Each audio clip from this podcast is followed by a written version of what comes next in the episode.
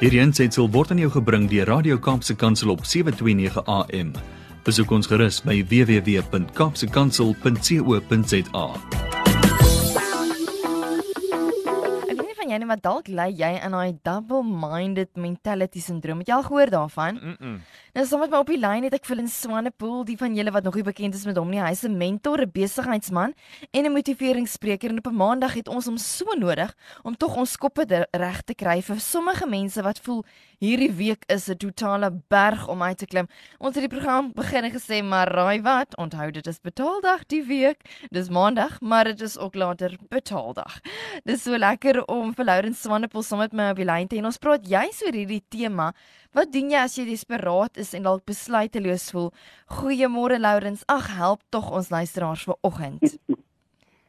Brad môre môre liewe mens. Nee. Ek ek wil net eers gebruik sê ek sê absoluut amen wat jy vir ons gesê. Jy weet as as ons almal net besef wie is ons in Christus dan dan ons se gesprek vanoggend nie is eintlik regtig nodig nie.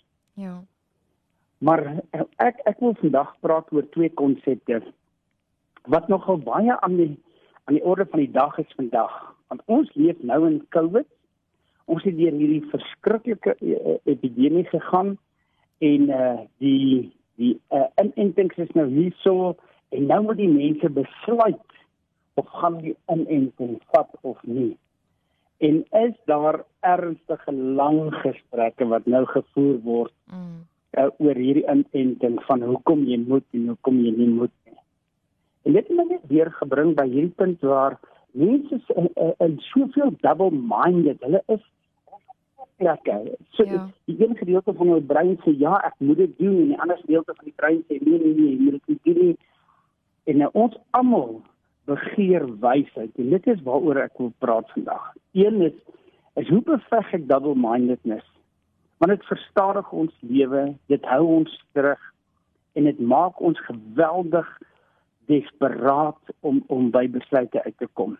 En ons almal begeer hierdie wysheid. Ja. As jy mens gaan kyk na na double mindedness is is 'n begrip wat nogal herhaaldelik in die woord ehm um, beskryf word en en en die Griekse woord is dit psychos Mm. wat beteken a person with two minds and souls. Mm. En en dit is so geweldig belangrik hier. Die die woord praat van like a wave of the sea blown and tossed by the wind. Mm. Ja. Wie van ons voel nie baie keer so in ons lewe nie dat ons net word word van ehm uh, stuurboord na 'n watse boord ook al toe geblaas en ons is hiernatoe en daarna toe en, en daar's nie vastigheid in ons lewe nie. En hierdie double-mindedness maak ons rusteloos. En in ons denke is dit 'n warboel en ons voel be mekaar Ja. en ons aksies is baie keer heeltemal kontrasterend Ja. met wat ons dink. En ons gedrag word daardeur beïnvloed. Mm. En dan is hierdie hierdie uh, double-minded persoon altyd in konflik met homself. En hoeveel van ons beleef dit nie dat ons in konflik met onsself is oor 'n sekere aangeleentheid of soveel ge- aangeleenthede in ons lewe. Mm. En die woord verwys na na double-mindedness as onstabiel.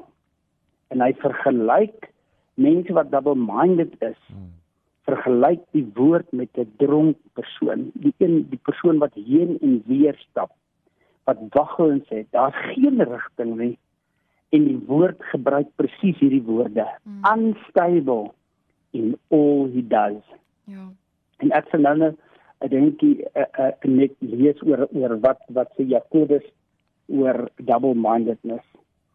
Maar dit gebeur so dat wanneer jy weet as ons moet ernstige besluite neem, dan laat ons onsself toe om so lank met hierdie double-mindedness hierdie onbesluitloosheid saam te leef dat dit ons uiteindelik desperaat maak. Mm. Mm. Jy word nie desperaat nie, maar jy voel baie keer so vasgevang in jou desperaatheid. En in elke besluit en dis nou waar ons lewe so swaar word.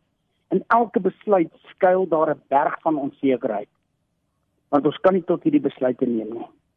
Hierdie twyfel, hierdie onseker voel, hierdie innerlike konflik lewe my Mm. het 'n manier om jou mentaliteit te oorrompel en dit trek jou af in 'n gat. Soveel so dat gewone besluite my laat val in 'n groef om dinge net te veel oordink. Mm. En deel van en dit word deel van my lewe ek oordink. En dan word my besluitloosheid laat my swak voel. Mm. My besluitloosheid laat my ongefokus voel. My besluitloosheid maak my uh, bring in 'n situasie waar ek sy stap enige besluite met swak verskonings en swak redes waarop ek nie nou besluite kan maak nie. Mm. En die uiteinde loom hier brein word jou en my selfbeeld geërodeer, afgebreek en Mm. bly in die slag omdat ons nie besluite kan neem nie. Mm. En ons moet weet môre word 'n battle, dit word hierdie stryd. En die vraag natuurlik is hoe nou, wat nou en is daar raad? Ja. Ja, eenvoudig herstel jou selfvertroue. Mm. Want selfvertroue en hierdie waarheid en, en ek hoop elke liewe luisteraar hoor wat ek nou vandag sê. Selfvertroue lê nie in my omstandighede nie. Mm. Tomorrow will be a blessing or a battle. Jy besluit. En nou is die vraag maar hoe versterk ek my selfvertroue? Want ons praat nou van groot mense. En dan ek dink ek aan aan my middeldogter, sy is nou onderwyseres. En sy het hierdie hierdie ongelooflike vermoë gehad om dinge te oordink. Ons het altyd van haar gepraat as as die hyperverantwoordelike kind want sy oordink dinge so dat sy stadig besluite neem. Mm. En elke keer as sy na my toe kom om om my te raadpleeg oor oor wat moet die uitkoms wees en wat moet die dan het ek altyd vir die volgende goeders gevra. Het jy gebid? Wat is jou bron?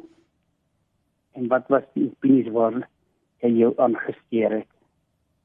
En as sy vir my gesê het sy het gebid wat haar bronne was en haar opinies, Mm. uh, die opinies is nou wie sy geluister het, dan het ek gehoor na wat sy sê.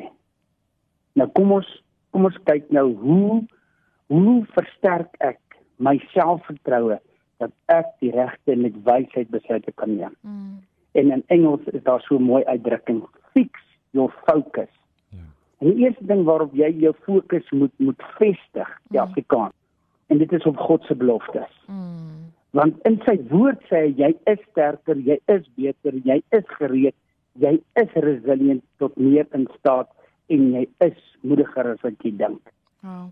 Die woord sê dit in in geen onduidelike terme nie. Jy is die kop en nie die stert nie Mm. en jy het 'n divine purpose. Mm.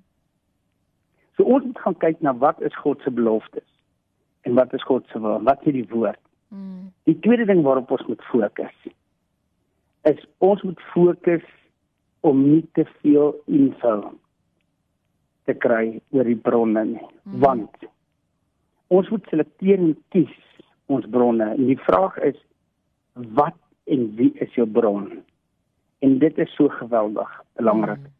Want jy sien ons kry geloofwaardige bronne en ons kry minder geloofwaardige bronne. Sommige goedes word getoets en ander goedes word uh, uh, inligting word nie getoets nie. Mm. Die vraag is die tweede ding wat jy moet doen is op watter bronne fokus jy? Jy moet die derde ding wat jy moet doen is op wiese fokus ag op wiese opinies maak jy staat? Mm.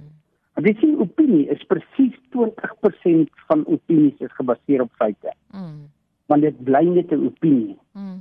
Maar wat belangrik is en dit is wat ek vir Nikita geleer het en dit is wie is jou go-to mense? Mm. Wie is jou ondersteuningsstelsel? Wie is jou mentor? Mm. Hoekom is dit belangrik om om na hierdie ondersteuningsstelsel, hierdie mentors toe te gaan? Want hulle sal jou die waarheid gee. Hulle sal jou met deernis en en waarheid ondersteun, maar hulle sal vir jou raad gee. Mm. Daar sal geen sugarcoating wees in wat hulle vir jou sê nie.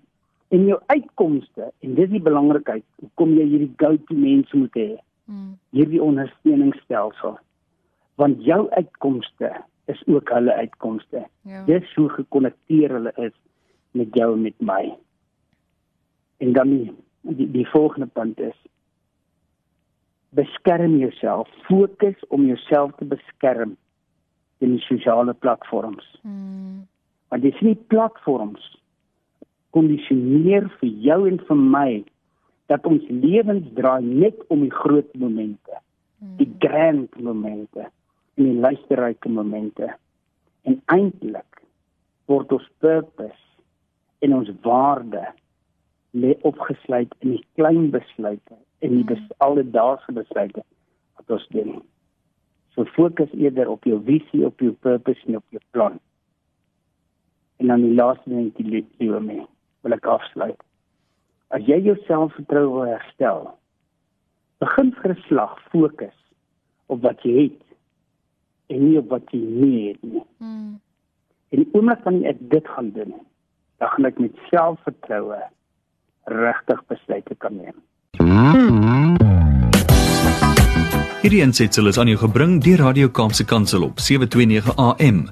Besoek ons gerus op www.kaapsekansel.co.za.